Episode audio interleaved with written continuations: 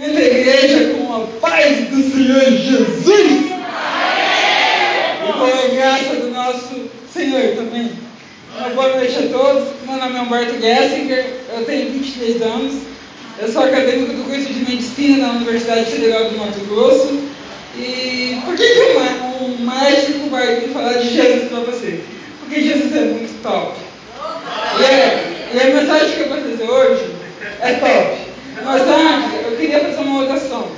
A gente está no mês de setembro, o mês da prevenção contra o suicídio. E muitas pessoas estão sofrendo com depressão, síndrome do pânico. São problemas psicológicos que necessitam de tratamento psicológico. Mas Jesus cura. Por isso, eu quero começar orando aqui hoje para pessoas com essas doenças e orar para que desça aqui e cure. Que aqui haja milagres. E que o nome do Senhor seja exaltado nessa noite. Amém. Soberano Deus Pai eterno, eu oro em teu nome por todas as pessoas que estão nesse recinto, Pai. Eu oro, Pai, por pessoas que estão com medo, Pai. Eu oro, Senhor, por pessoas que estão com, com depressão, pessoas que estão com dores na alma, no emocional, Pai. Pessoas, Pai, que não sabem para que, que, caminho ir, que estão se sentindo sozinhas, Pai. Sabemos, ó Pai, que o Senhor Deus, o Jeová Rafa, o Deus da cura, o Jeová Jireu, o Deus que provê. Nesse momento, Pai, eu peço que o Senhor venha e derrama cura sobre essas pessoas. Derrama cura, Pai. Peço que o Senhor cure essas pessoas. Peço também, Pai, pessoas que estão passando por dificuldade, Pai. Inveja, pessoas que estão passando por, por dores, é, dores diversas, Pai. Pessoas que estão com sintomas de Covid. Eu peço que o Senhor venha curar, Pai. E que o Senhor venha aliviar. Que o Senhor venha sim, Pai, usar a medicina. Mas que o Senhor também, Pai, venha usar o teu Espírito, que é Deus. É Deus presente, é Deus conosco. E eu peço, Senhor, que o Senhor venha descer sobre essa igreja, batizar o teu povo com o teu Espírito. Peço que os dons estejam nesse lugar. O dom de profecia. E eu peço, Senhor, que o que eu falar aqui hoje, Pai, seja a tua palavra. Pois a tua palavra é vida, vida, e a tua palavra cura e liberta. Que não seja palavras da minha boca, mas que sejam palavras que exaltam o nome do Senhor. Que tudo que eu falar aqui seja palavras que o nome do Senhor Jesus seja exaltado. Assim eu oro no nome de Jesus. Amém. Pessoal, é, como eu falei da minha história, tem muitos testemunhos, mas um testemunho eu tenho, que Deus cura. Você deve estar falando, ah, mas você tem deficiência. Deus usa até em meio a dificuldades, em meio a uma deficiência, em meio a uma doença. Isaías 43, 19. Em meio ao deserto, ele abre um caminho. Então eu não sei qual é a sua situação, mas eu sei que o Senhor ele pode te usar. O primeiro passo é o arrependimento, e hoje a gente vai falar um pouquinho mais sobre isso. Só deixa eu abrir meu esboço aqui. O primeiro texto que iremos ler, hoje a gente vai navegar. Vai ser João, 1 João, a epístola do, de João, de 1 a 3, que diz assim. Só um segundo, pessoal. Isso. Mas antes eu tenho uma pergunta. O, o tema da mensagem é: Vocês são fortes? Quem aqui é forte? Quem aqui é musculoso? Mas como mas somos fortes do, de quem? De quem vem a nossa força? De quem vem a sua força? A sua, a sua força vem de quem? É, eu confesso que eu não tenho porte físico muito bom, tô gordinho, né? Mas é, do nosso, a nossa força vem do, nosso intelectual. Pode vir. É, vem do, da nossa classe social, você é rico é, do nosso esforço diário. Eu leio a Bíblia todo dia, eu leio, eu leio vários livros. É, vem vem do nosso, vem do nosso esforço em ajudar o próximo, eu devolvo o dízimo. O dízimo quer devolver, tá bom? Não é, não é, você não paga o dízimo. Primeiramente, você devolve. Por quê? Porque você está devolvendo uma parte para Deus. Deus te dá tudo. Primeiramente, Deus, aleluia. É, é, na, e, e ajudar o próximo. Então, todas essas coisas são válidas. Tudo que eu quero dizer para você, que, a, que toda a nossa força física, mental, espiritual são válidas, mas existe uma força maior. E agora a gente vai abrir 1 João. Eu estou no meu livrinho digital, que é mais fácil para mim. E abrir em 1 João 2, do 12 a 14. Eu vou ler para vocês. Filhinhos, eu vos escrevo porque os vossos pecados são perdoados por causa do seu nome.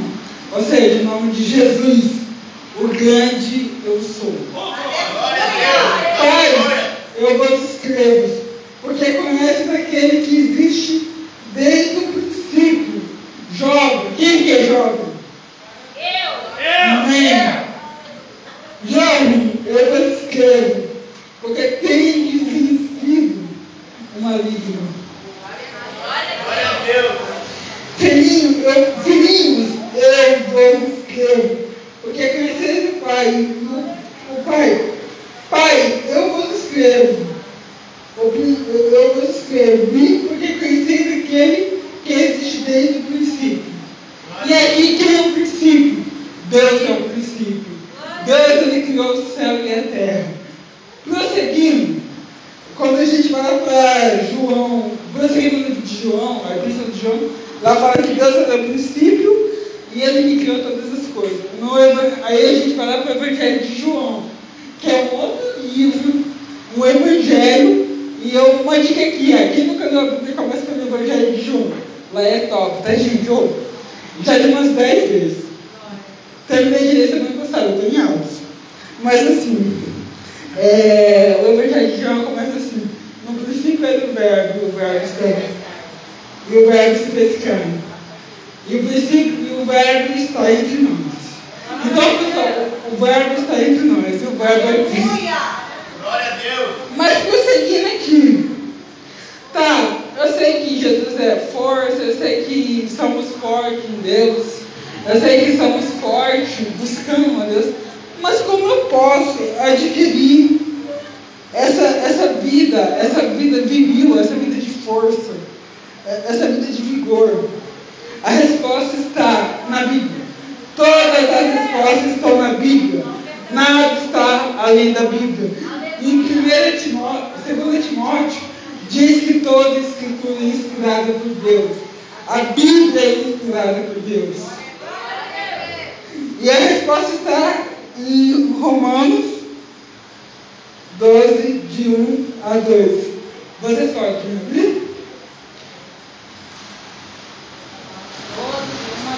Isso. É, vou ler para vocês. Rogo-vos, rogo portanto, em algum, eu peguei várias, várias introduções, traduções, e eu vou, simultaneamente, vou mudar, se vocês entenderem, eu posso reler. Rogo-vos, ou então, portanto, Deus mostrou. Então, rogo-vos, pois irmãos, pelas misericórdias de Deus, que apresenteis o vosso corpo, apresentei o seu corpo, por sacrifício vivo, santo e agradável a Deus, que é o vosso culto racional. E não vos conformeis com este século.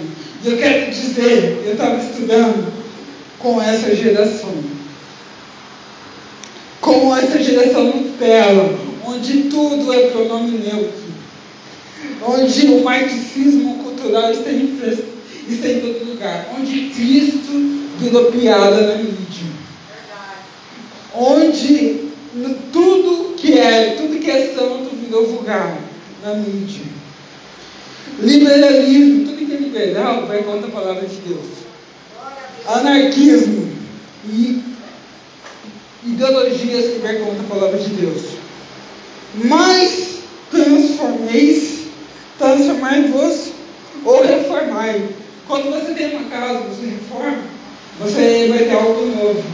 É, a, o sentido da, da. Oh Deus, cai não, nome de Jesus. É, o, Glória a Deus. O, o sentido da linguagem é reformai. O. Cadê? É, calma aí. Eu perdi o lugar. Acontece. É, acho que caiu. Acabou, mas assim, o sen... Oh Deus. O sentido da, da linguagem é reformar, ou seja, uma mudança que a gente tem que ter com Cristo. Glória a Deus, aleluia. Uma metamorfose. Ah, então, reformar é fazer uma mudança. Do grego é metamorfa, ou metamorfose. Pois a renovação da nossa mente Aí é uma palavra muito parecida, que também é do grego, metanoia. E que é mudança. Para que experimentei qual seja boa, agradável e perfeita vontade de Deus. E assim a gente vai ter uma vida, uma vida com Deus e uma vida feliz. O Salmo, o Salmo 23, 23 diz: O Senhor é o meu pastor e nada faltará. Então, se você fazer a renovação de sua mente, você encontra essa atual geração, você encontra o que a mídia diz, você irá receber o que há de melhor. E agora, os passos para a vida plena com Deus. Eu já, então, para, como assim? Então quer dizer que a gente tem que renovar nossa mente, a gente tem que transformar. Mas como eu faço isso? Parece tão difícil. Como que eu consigo deixar o Instagram, deixar aquela série, ou deixar, ou deixar aquela, aquela pizza de final de semana? Porque fala de alimentação, sabia? Aqui fala que a glutonaria é um pecado. O primeiro passo, gente, o arrependimento. Pois, então, o primeiro passo para a gente ter uma nova vida com Cristo é o arrependimento. E por que devemos arrepender? Ai, porque é bonito ajoelhar na igreja. É bonito mesmo. Mas é. A palavra de Deus diz assim: Pois todos pecaram e estão, pecaram e portanto estão afastados da glória de Deus. Então todos aqui, eu quero dizer, você é pecador, você é pecador, e não, não será pedido. A palavra de Deus diz que todos somos pecadores. A Bíblia diz que antes da gente nascer, a gente é pecador e por isso a gente deve Aleluia. nos arrepender diariamente. Aleluia, glória a Deus. E quando a gente arrepende, a gente precisa arrepender de forma correta. Aleluia. E é a forma correta é o perdão. Então onde a gente encontra o perdão? Glória a Deus. Em Jesus. Somente Jesus. E o perdão a gente encontra Está em Mateus 11, 28, Mateus 11, de 28 a 30, que está escrito: Vinde a mim, todos os que estão cansados e oprimidos, e eu vos aliviarei. Tomai sobre vós o meu jugo e aprendi de mim, que sou manso e humilde de coração e encontrarei descanso para a vossa alma. Porque o meu jugo, o que é jugo? Jugo é um peso que a gente carrega. E o jugo de Cristo é leve. Porque o meu jugo é suave.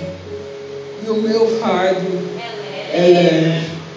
Então, a gente deve se arrepender. Mas se arrepender, estar diante do Senhor do Senhor, Jeová Jireh, Jeová Rafá, Emanuel, Jesus de Nazaré. E o segundo passo é o que está em Mateus também. A gente, eu falei que a gente ia navegar na Bíblia. você ficar muito chato, a gente fala.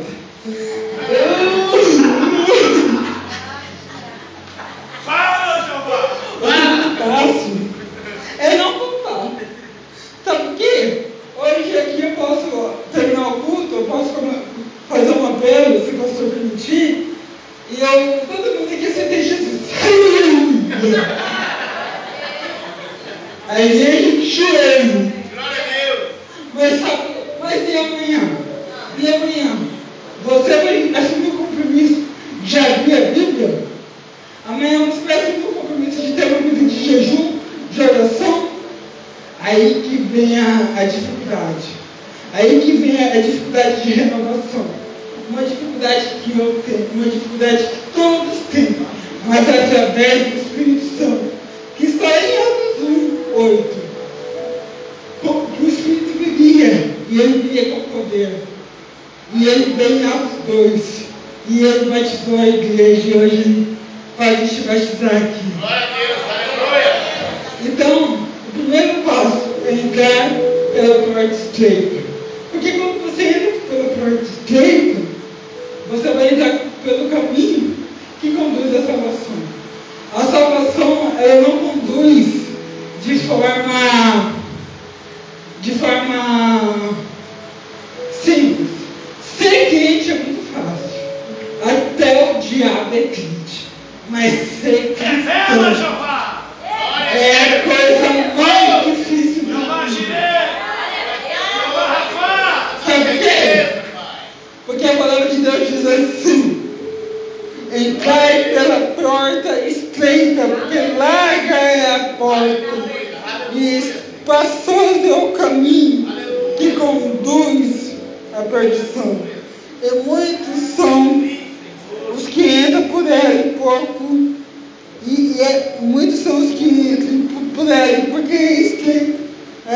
É e apertado é o caminho que leva à vida.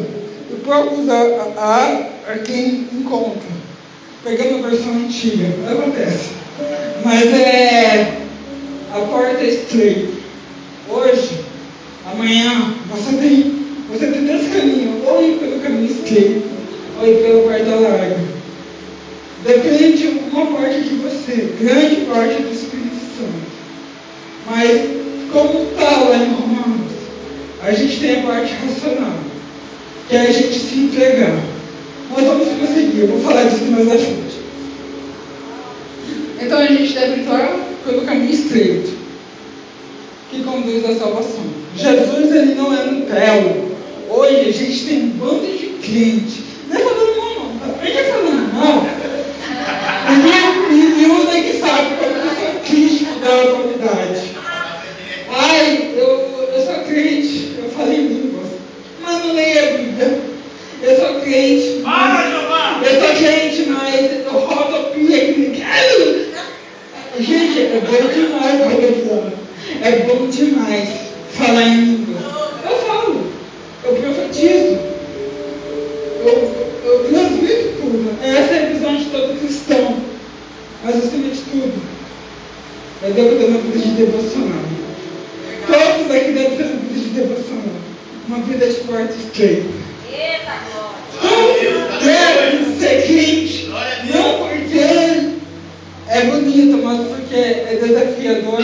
E porque, como diz lá em Apocalipse, a gente vai ter uma nova Jerusalém. Glória a Deus! Aleluia! E, e vai ser muito legal, gente. Lá não vai ter choro. Lá não vai ter dor.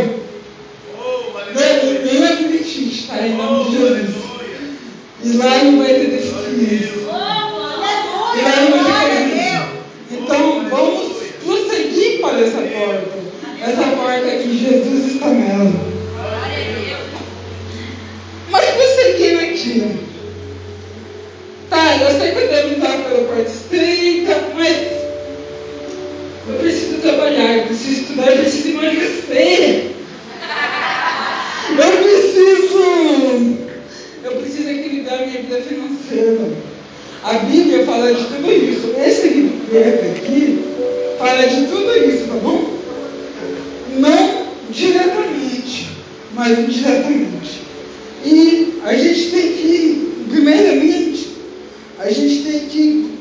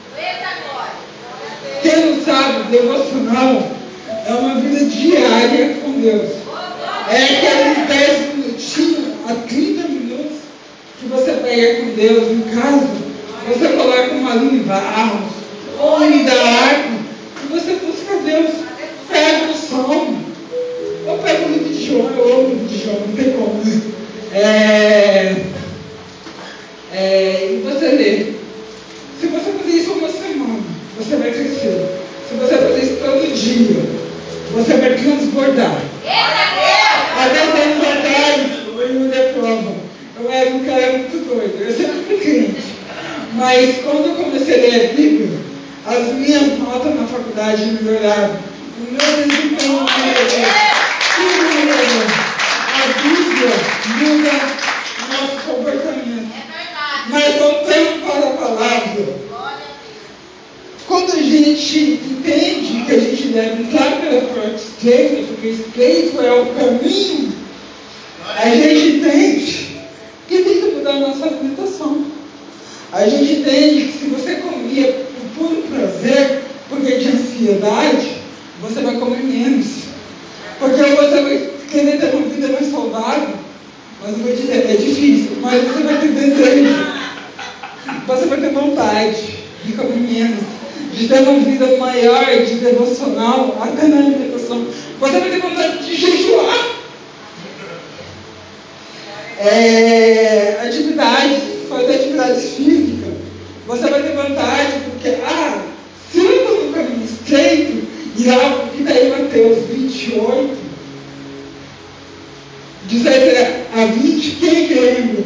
Ide por todo mundo o Evangelho, a toda criatura, batizando em nome do Pai,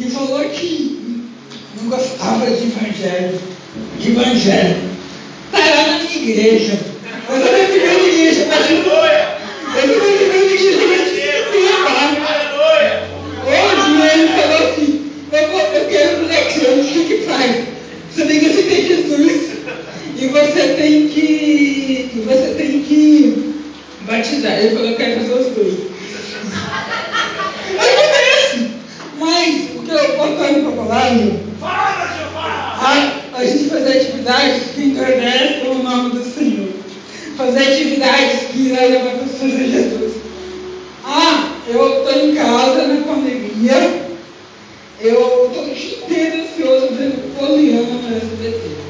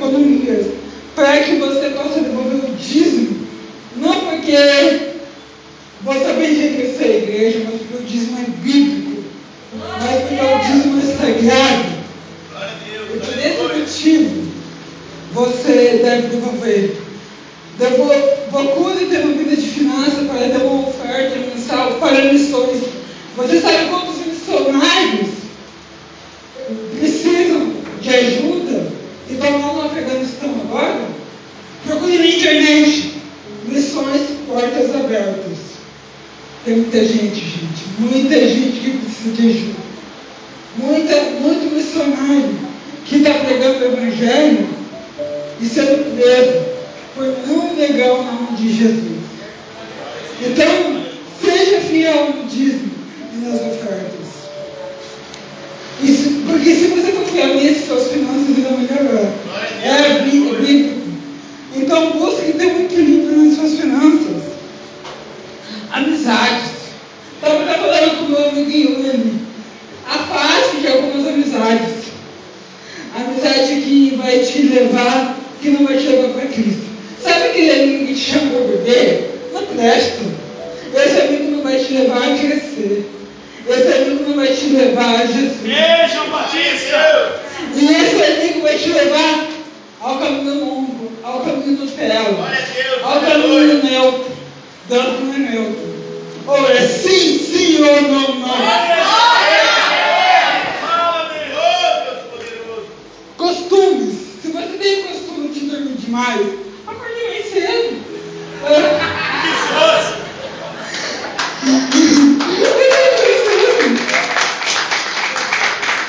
Busque uma. Eu não estou falando costume de roupa. Meninas,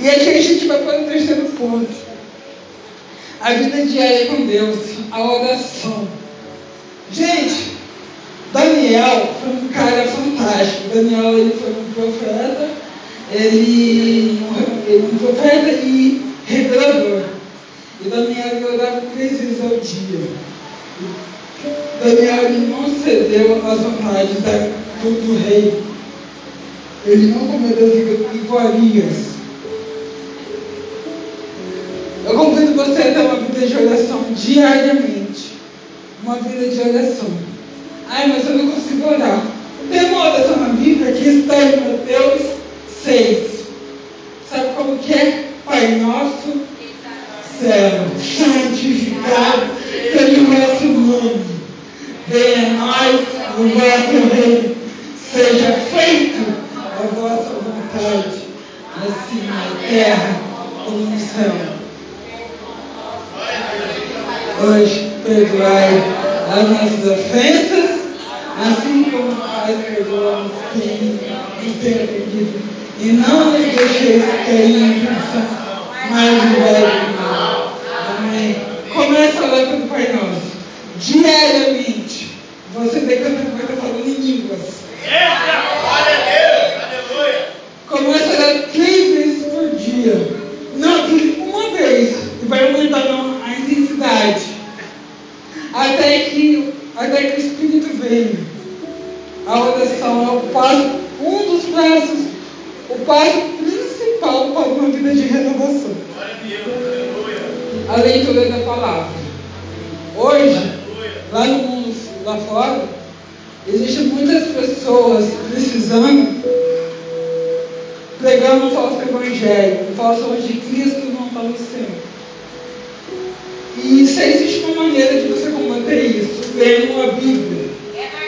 Você buscando leitura da Bíblia. Comece pelo Evangelho de João. Mas se você quer aprender algo, quer aprender a combater essas coisas, leia o livro de Gálatas. Mas leia a Bíblia para você ser cheio do Espírito Santo. Porque a Bíblia é vida e vida em abundância. Só um segundo. Aí fechou aqui. Acontece. Glória a Deus. Glória a Deus! Gente, hoje à tarde, eu, eu terminei o sermão hoje à tarde, comecei na segunda. E aí eu fiquei assim, meu Deus, o que, que eu vou falar? Aí eu até falei, até pro meu amigo aqui, cara, eu não sei onde eu Deus, o que, que eu vou falar? Aí eu falei, será que eu falo disso? Aí Deus, não, você vai para aquele caminho que você vai falar disso. Aí hoje à tarde o Espírito vai revelando, Lá em casa, eu tenho uma coleção de livros teológicos. Peguei todos os meus livros e comecei a ler um por um. Até chegar no que chegou aqui. Mas vamos lá. A leitura da palavra. Busque ler a, a, a Bíblia, busque ter uma intensidade. Sabe por quê? Eu falei aqui de ir de entregar o Evangelho. Você vai chegar com o ateu, o vai falar, Deus não existe. Calma o do mal. Qual, alguém que sabe me responder? É uma pergunta que nem você responde direito. Mas você tem que estar afiado na palavra para que você possa chegar para o ateu, para a pessoa que não crê em Deus, para o agnóstico e combater tal heresia que ele quer dizer a você. Chegar para a pessoa que não, para a pessoa que quer dizer que Deus é isso, que Deus é aquilo. E, mas você só vai aprender isso lendo a palavra. A Bíblia é vida e vida em abundância. Glória a Deus, aleluia, aleluia. E as disciplinas espirituais, o jejum. E ao monte. Eu sei que aqui na igreja vocês têm costume de ir ao monte. É interessante. Quem puder ir, vai mesmo. É, quem tem condições físicas. Quem não tem, olha em casa. Você vai ser abençoado do mesmo jeito. É, jejum. Não faça jejum para você ganhar algo grande. Ah, eu quero ganhar um carro. Ah, eu quero ganhar uma namorada. Ah, eu quero ganhar um. Eu quero ganhar um. Eu quero ganhar um. Eu quero ganhar na Mega Sena. Eu nem sei quem que joga. Quem é que joga na Mega Sena? Eu jogo, eu também jogo. É... fazer propósitos. Propo- fazer votos no, no Novo Testamento a gente não vê. Mas não faça um voto dizendo assim, eu quero hoje entregar a minha vida a Jesus porque eu quero ganhar na Mega, na Mega Sena, eu quero ganhar um carro. Mas eu quero entregar a minha vida porque hoje eu quero ser salvo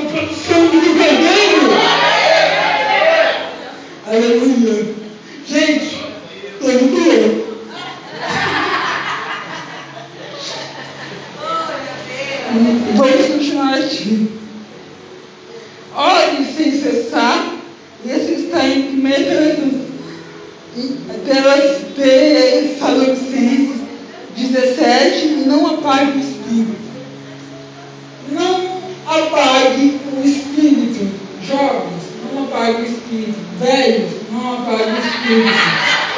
Não apague o espírito. Não tem. Não apague o espírito. Como que você não apaga o espírito? Lendo a Bíblia, andando e jejuando diariamente. Seja cheio do Espírito Santo. Amém. Bendito seja o nome do Senhor. É, vamos agora para o ponto 4. Afastar de toda impureza. Aqui a gente já falou de arrependimento. Mas o que é afastar de toda impureza? É, deixa eu ver. É você ter vontade de fazer algo e você afastar. E a Bíblia ela traz é, um exemplo muito falho, deixa eu corrigir. Afastar de tudo aquilo que não agrada a Deus. Se a Bíblia fala que sexo antes do casamento é pecado, eu não estou dizendo, ah, eu fiz, jogo, se você fez, se arrependa. Mas se você não fez, guarde no casamento, pois vai ser uma bênção. Mas busque de- estar- fazer o que a Bíblia diz que é para fazer. Então, se a Bíblia fala que é pecado, é pecado. Não tente argumentar com a Bíblia. A Bíblia não tem mudança. Então, afaste das impurezas. A Bíblia fala isso ou isso, é aquilo e não tem mudança. Então, o que eu quero dizer para vocês, pessoal?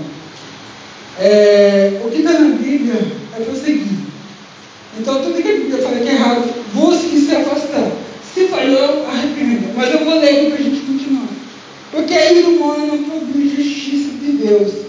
Portanto, deixando toda impureza e acúmulo de maldade, acolha com mansidão a palavra implantada em vocês, a qual é poderosa para salvá-los.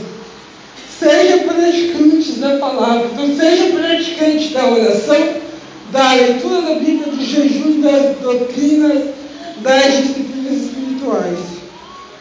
E não somente ouvinte. Você sabe o que é ouvinte? Muitos de vocês, eu não quero julgar ninguém, porque a Bíblia diz: não julgueis para não ser julgado. Mas é uma realidade aqui. Muitos de vocês vão sair daqui hoje e vão deixar essa mensagem de lado. A minha parte é por isso que eu prego o Evangelho aqui. Mas eu peço, se essa mensagem te tocou, não seja somente ouvinte, mas seja praticante. Glória a Deus, aleluia. enganando a vocês mesmos. Você, se você vem aqui hoje jogar o que eu disse, ou que o pastor vai falar na semana que vem, você está enganando você mesmo. Você está indo pular um sal. E não sou eu que indico a palavra que Deus está dizendo. A vocês, porque se alguém é ouvinte da palavra e não praticante, essa mulher é aquele que contempla o seu rosto natural no espelho. E isso está em 1 Tiago de 1, 1 Tiago 1, do versículo 20 a 23. E chegamos no último ponto. Experimente, experimentar a vontade do Senhor Jesus e vencer o maligno. Aqui a gente vai juntar tudo que eu disse. O primeiro ponto, experimentar a vontade de Deus. Que é tudo que eu disse, a gente tem não, vamos voltar com isso Rapidamente, só para finalizar.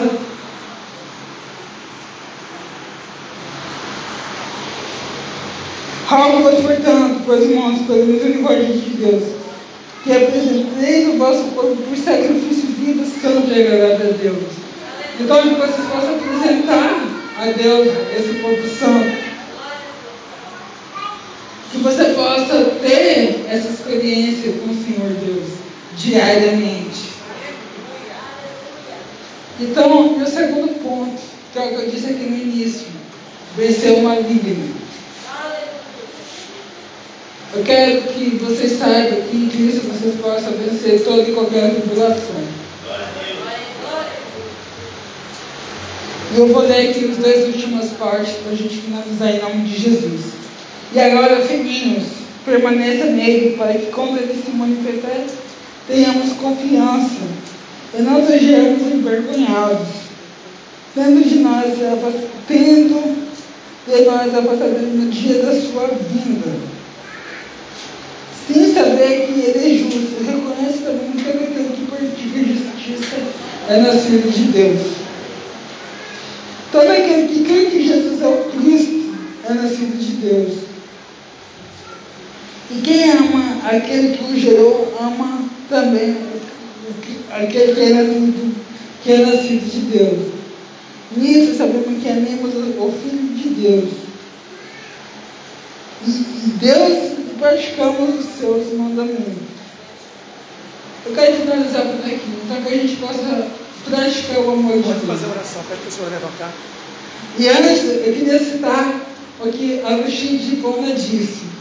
Ouve, Senhor, a minha prece para que minha alma não desfaleça sobre o peso da tua lei, e nem esmoreça, e nem esmoreça. Então que a gente possa ser como Agostinho de Pono, confessar ao Senhor os nossos pecados, em nome de Jesus. Se alguém aqui nessa noite quer ter essa vida de transformação, não porque gostou da mensagem, mas porque a Bíblia diz o que deve ser feito. Eu queria orar pela vida de vocês. Mas para finalizar, eu queria dizer, gente, pratique o que eu falei aqui. Seja praticante da palavra, esteja cheio do Espírito Santo. Vida com Deus. Busque uma vida diária. Meu nome é Humberto Gessinger. Eu sou jovem ainda. Mas eu, a certeza que eu tenho que Jesus é o Cristo. Ele é a nossa única esperança. Eu quero orar pela vida de vocês. Alguém aqui, nesse momento, quer assumir o compromisso de ter essa vida diária com Deus, pode ficar de pé? Ninguém amém. É, eu quero orar pela vida de vocês, que vocês possam buscar dia após dia ser cheios do Espírito Santo. Em nome de Jesus. Eu vou orar.